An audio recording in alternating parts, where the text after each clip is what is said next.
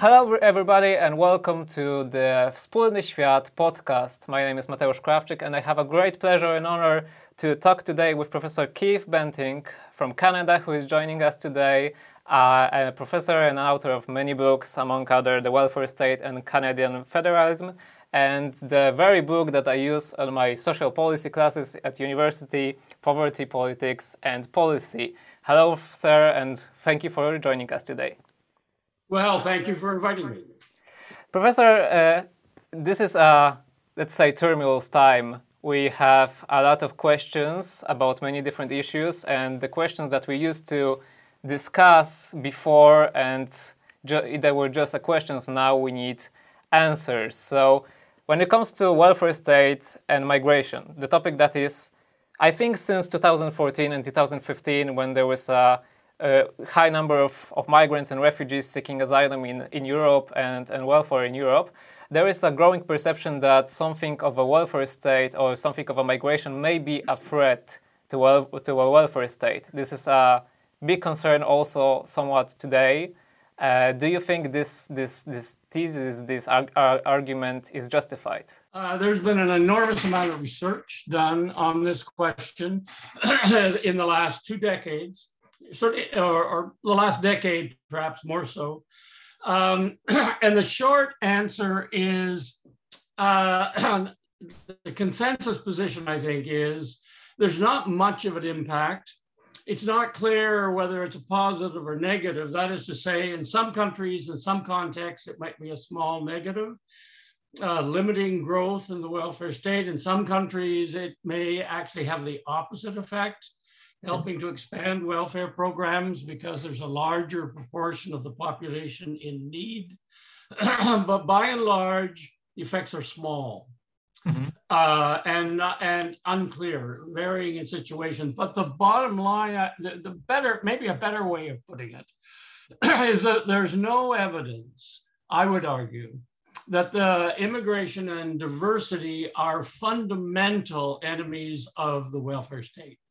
Um, there may be tensions which emerge as a result, but in most countries, um, citizens do not want to give up a, a, welfare state that they built over decades, over perhaps in some cases the better part of a century, and which they value. They get benefits from them. So the citizens of European countries have not wanted to give up their welfare state as their co- countries have had larger proportions of immigration. The, the real response, the real pressure point and the danger point, I think, is that in some countries, the solution is not to give up the welfare state, but to exclude newcomers from its benefits, what's sometimes called welfare chauvinism. That's the greater pattern in Europe um, sort of slow inclusion of newcomers rather than dismantling of the welfare state. Is it also the case of actually who is coming? Because we have some research about diversity between, you know, migrants are a large group. Within migration, we also take into account refugees. And when it comes to refugees, uh, they are, if I'm not mistaken, a little bit more self reliant population. Is there a difference between economic migration in a way and the refugees, which are also the, the, the highest proportion of, of migrants who are coming to Poland? Yeah, it varies by country. So in the Canadian case, um, our economic uh, migrants tend to be highly educated. And so refugees in the Canadian case are, uh, you know, in, are similar. Um, they are not a distinctly poorly educated category. Um, and as a result, they're easier to integrate into the labor force and into society generally. They bring a lot of skills and training with them. And my guess is that, uh, I don't know, but I, my guess is that there are a lot of the people coming to Poland, certainly from the Ukraine, uh, are quite skilled people uh, who bring a lot of uh, training and skills and human capital with them. Uh, you mentioned Canada, so I cannot hes- I will not hesitate to ask more because Canada is, for some people, a success story. For some people, an example to avoid. Actually, when it comes to migration policy, so what is it with in the case of Canada? Is it something that we can take example of, or maybe maybe watch over? Uh, it's um, I don't think every country can replicate the Canadian model. Um, it's very important that Canada has a long history of diversity. Um, from the very founding of the country, it is, it's been a country with two language groups uh, and an indigenous population. Um, and then to that, we've added uh, new immigrants, new migrants. And so it's always been a pluralist country, always. You can't have a single conception of what it is to be a Canadian in this country because it has been so diverse forever. And therefore, it's much more comfortable with the diversity that immigrants and refugees bring. Uh, not every country starts from that position. Many countries start from a position of being very uh, relatively homogeneous, and therefore newcomers are seen as more of a cultural threat. So Canada is, I think, but I think if you look at particular programs, then uh, maybe some of the programs we have are, are useful. In the case of refugees, um, we have an interesting experiment going on because half of the refugees that come to Canada are sponsored by the government and supported by the government in their first years and get their training, their language training, and other supports from the government. And half are sponsored by individual groups of Canadians, often churches or other community groups, ga- gather together to sponsor refugees and provide them with housing. They get together and find housing for these people and help with language training. Um, and we have found over time that the, the publicly sponsored um, refugees, that is the ones sponsored by community groups, do better. They integrate faster.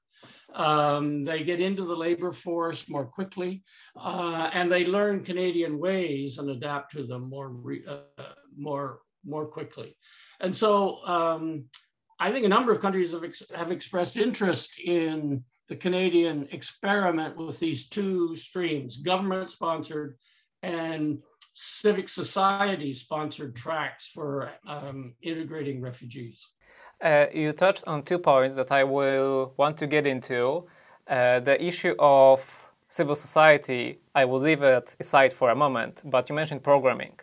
So, right now, we are trying to develop some kind of a new integration or migration policy within Poland. I asked you about success story, but what will happen if we will let it go by the year? So, we'll not focus on it, we'll miss our chances. Are there any risks particular risk relate, related to migration or integration that we need to watch out? You know, Canada has a full suite of government sponsored integration programs. So when newcomers arrive, and this would be true of economic migrants as well as refugees, um, they get immediate support in terms of settling in a community. Uh, they get language training, which in Canada is very important, that, that people have either French or English, the two national languages. They have, it's very important they be able to speak one of them to be able to integrate. Uh, they get um, guidance and some support and training for the labor force. Um, and I think these sorts of programs are really important in uh, leading to successful integration. Now, an important thing about the Canadian case is that we are assuming that um, all refugees, that refugees generally will stay. They will not return to their country of origin. Uh, I suspect some of the people coming from the Ukraine may wish to go back after the war. And so there's a kind of tricky issue about how much you invest in integration of people who may not remain. But in the Canadian case, we found that integration programming is important in getting people settled and on a track. And this is true even, even for uh, people who bring a lot of skills, uh, higher education levels. They need some orientation at the beginning to find their way forward. Is it there a risk of, for example, inequalities when it comes to migration population? uh, if you do not, if people do not successfully integrate, you will widen your inequalities. And most dangerously of all, you will find that inequal- economic inequality is also, is also ethnic or linguistic or racial inequality. You will find newcomers at the bottom of the income distribution, and the, you will build a cultural dimension into your inequality, which can be particularly explosive, um, politically damaging. It will make it harder for newcomers to find their way into the society and it will make it more difficult for governments to support them because people will begin to see begin to argue or scapegoat minorities saying oh, they're just not working hard enough or they're not they're not very good at what they're doing or they're making bad choices in life. So I, I think the one thing that um, we have, the one danger point in Canada at the moment is that racial inequality and economic inequality are beginning to overlap. So anything you can do to avoid that would be um, to your long-term advantage. Uh, you've mentioned about civil society. I want to dig into it because right now in Poland we have this enormous social potential, civil society potential uh, like you mentioned about examples from Canada, we have also people who were people refugees from Ukraine were let into the homes of, of Polish people. Those were the main places where they get accommodation. So we have a huge potential, but it's in the short in the short term, it's okay. But if we want to take about a long term, and long term is an example of Canada in a way. So how how keep going this civil society movement? How not let that in the few months we will be too tired to, to help. I understand. Um, I think the model is working well. And as I said um, earlier, um, the model works reasonably well in terms of getting newcomers integrated into the labor force, becoming more independent. Uh, it's not perfect. And um, the commitment of um, new of groups to, who sponsor a, a, newcomer, the illegal formal commitment is simply for a year to find housing, to pay for the housing, to find some uh, some of the income support still comes from the government. They get the same child benefits and so on that everyone gets, but to uh, find them housing, pay for housing, find furniture they need, um, to help them uh, find um, uh, employment opportunities, giving them guidance. Uh, these groups use their networks to try and find something that would fit. Um, all of that commitment is for one year. Now, and at that point, if the uh, group is not prepared to continue, um, then the individuals revert to the government programs.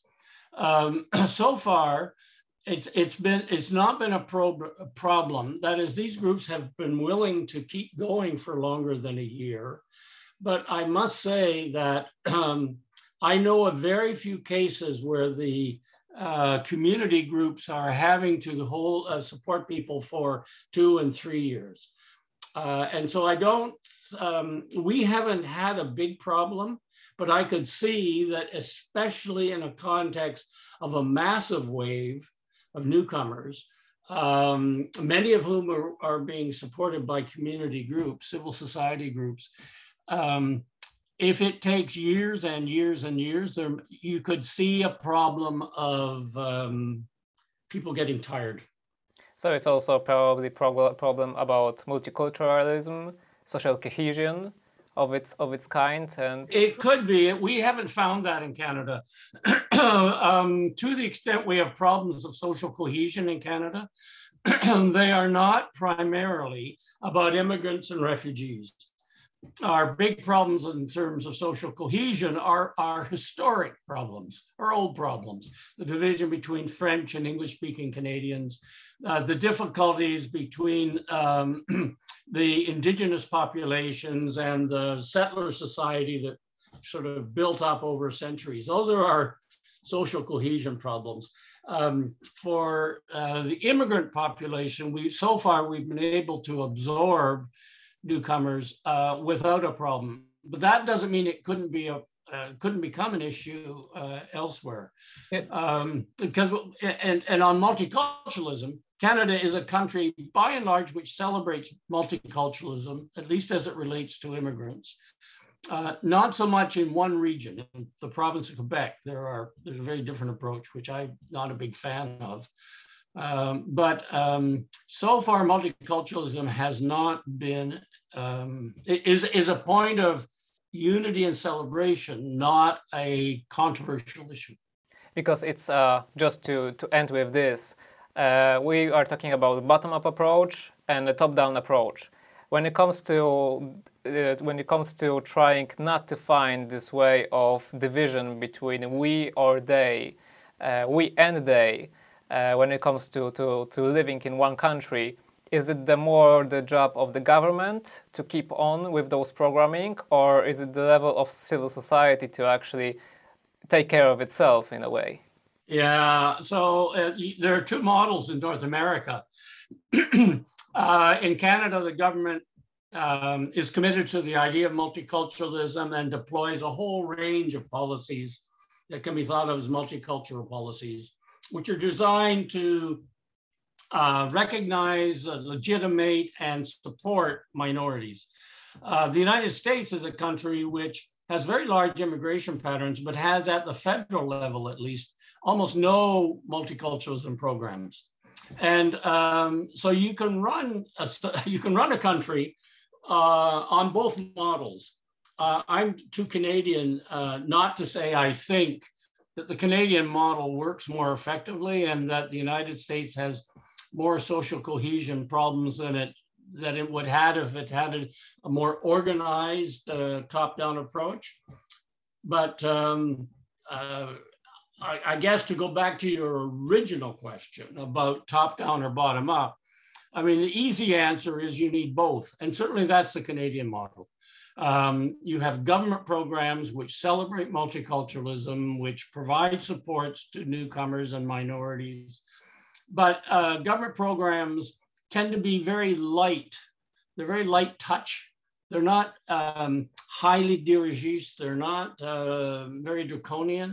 So they're more um, programs which influence the kind of ideas and discourse about the country more than directing specific people to do specific things. Um, and so the government, th that kind of um, role in shaping the discourse, uh, I think is important from governments, but uh, most of the day-to-day accommodation of diversity in Canada happens at the local level, in, particular in cities. And so much of the hard work is done in municipal um, governments and in uh, civil society organizations and just day-to-day life on the streets with people. So I, am I'm afraid I'm not giving you a very clear answer to top down or bottom up because we do both. Thank you very much, Professor, for this lesson. We'll take it to the heart and try to implement some of this in Poland.